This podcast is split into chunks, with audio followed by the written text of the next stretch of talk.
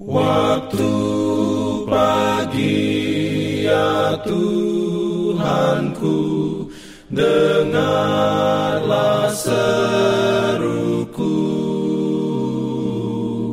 Melayang doa yang sungguh Memandang padamu. Selamat pagi pendengar Radio Advent Suara Pengharapan Mari mendengarkan suara Tuhan melalui tulisan pena inspirasi menjadi putra dan putri Allah.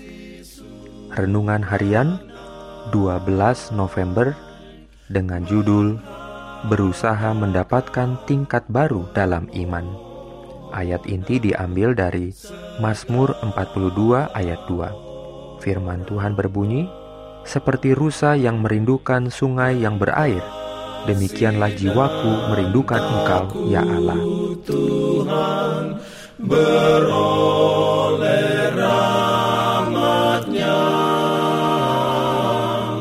diberikannya perlindungan dalam pimpinannya Urayanya sebagai berikut Banyak orang muda tenggelam di bawah semua awan dan tidak memiliki daya tahan.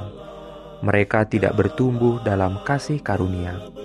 Hati jasmani mereka harus diubah. Mereka harus melihat keindahan dalam kekudusan. Maka mereka merindukan hal itu seperti rusa yang merindukan sungai yang berair. Jika langkah Anda diatur oleh Tuhan, orang muda yang terkasih, Anda tidak boleh berharap bahwa jalan Anda akan selalu mendapatkan kedamaian dan kemakmuran. Jalan yang menuju ke hari yang kekal bukanlah yang termudah untuk dijalani, dan kadang-kadang akan tampak gelap dan sulit. Tetapi Anda memiliki kepastian bahwa lengan kekal Allah memeluk Anda untuk melindungi Anda dari kejahatan. Dia ingin Anda menunjukkan iman yang sungguh-sungguh kepadanya dan belajar untuk mempercayainya dalam bayang-bayang maupun di bawah sinar matahari. Dalam upayanya untuk mencapai rumahnya, Raja Wali sering dikalahkan oleh badai hingga ke ngarai pegunungan yang sempit. Awan-awan yang hitam, gemuruh menyapu, dan ketinggian yang cerah di mana dia mengamankan sarangnya. Untuk sesaat, dia tampak bingung dan berlari ke sana kemari mengajar sayapnya yang kuat, seolah-olah tersapu balik awan tebal. Akhirnya, dia berlari ke atas ke dalam kegelapan dan memberikan jeritan kemenangan ketika dia muncul sesaat kemudian, berada di atas di bawah sinar matahari yang tenang. Kegelapan dan badai ada di bawahnya, dan cahaya surga bersinar di sekelilingnya. Dia mencapai rumah yang dikasihinya di tebing yang tinggi dan merasa puas. Melalui kegelapanlah dia mendapatkan cahaya. Dibutuhkan upaya untuk melakukan ini, tetapi dia dihargai dalam mendapatkan tujuan yang dia cari.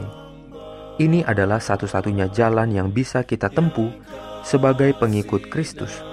Kita harus melatih iman yang hidup yang akan menembus awan yang seperti tembok tebal memisahkan kita dari cahaya surga.